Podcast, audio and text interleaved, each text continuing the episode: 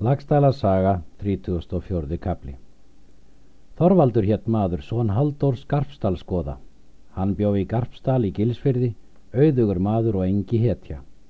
Hann bað Guðrúnar Ósífursdóttur á alþingi þá er hún var 15 vetra gömul.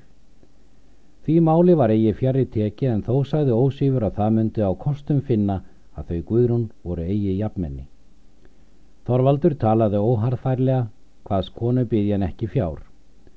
Síðan var Guðrún föstnu Þorvaldi og réð ósífur eitt máldaga og svo var skilt að Guðrún skildi ein ráða fyrir fér þeirra þegar er þau komi í eina rekju og eiga alls helming hvort er samfarar þeirra væru lengri eða skemri.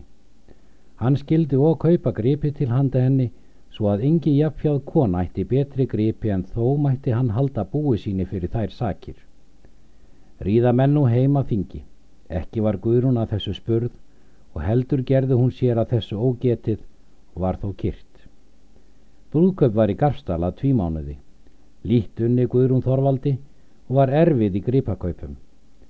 Voru engar gersemar svo miklar á vestfjörðum að Guðrúnu þætti eigi skaplegt að hún ætti en galt fjandskap Þorvaldi ef hann keipti eigi hversu dýrar sem metnar voru.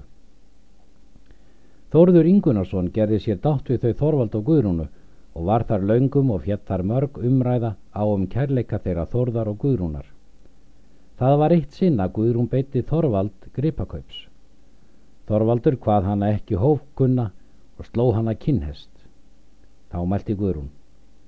Nú gafstu mér það er oss konum þykir miklu skipta að við eigum vel að gert, en það er lítaraft gott og af hefur þú mér ráðið brekvísi við þið.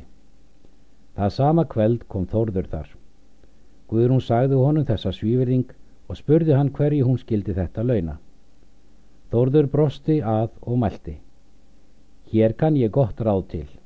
Gerðu honum skýrtu og brautgangs höfusmátt og seg skili við hann fyrir þessar sakir.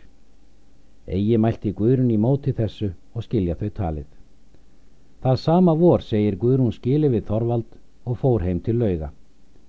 Síðan var gert fjerskipti þeirra Þorvalds og Guðrúnar og hafði hún helming fjár alls og var nú meira en áður. Tvo vetur hafðu þau ásamt verið.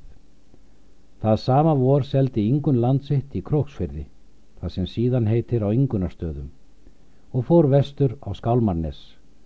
Hanna hafði átt Glúmur Geirason sem fyrr var ritað.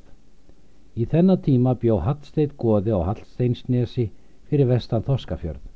Hann var ríkur maður og meðalagi vinsæl.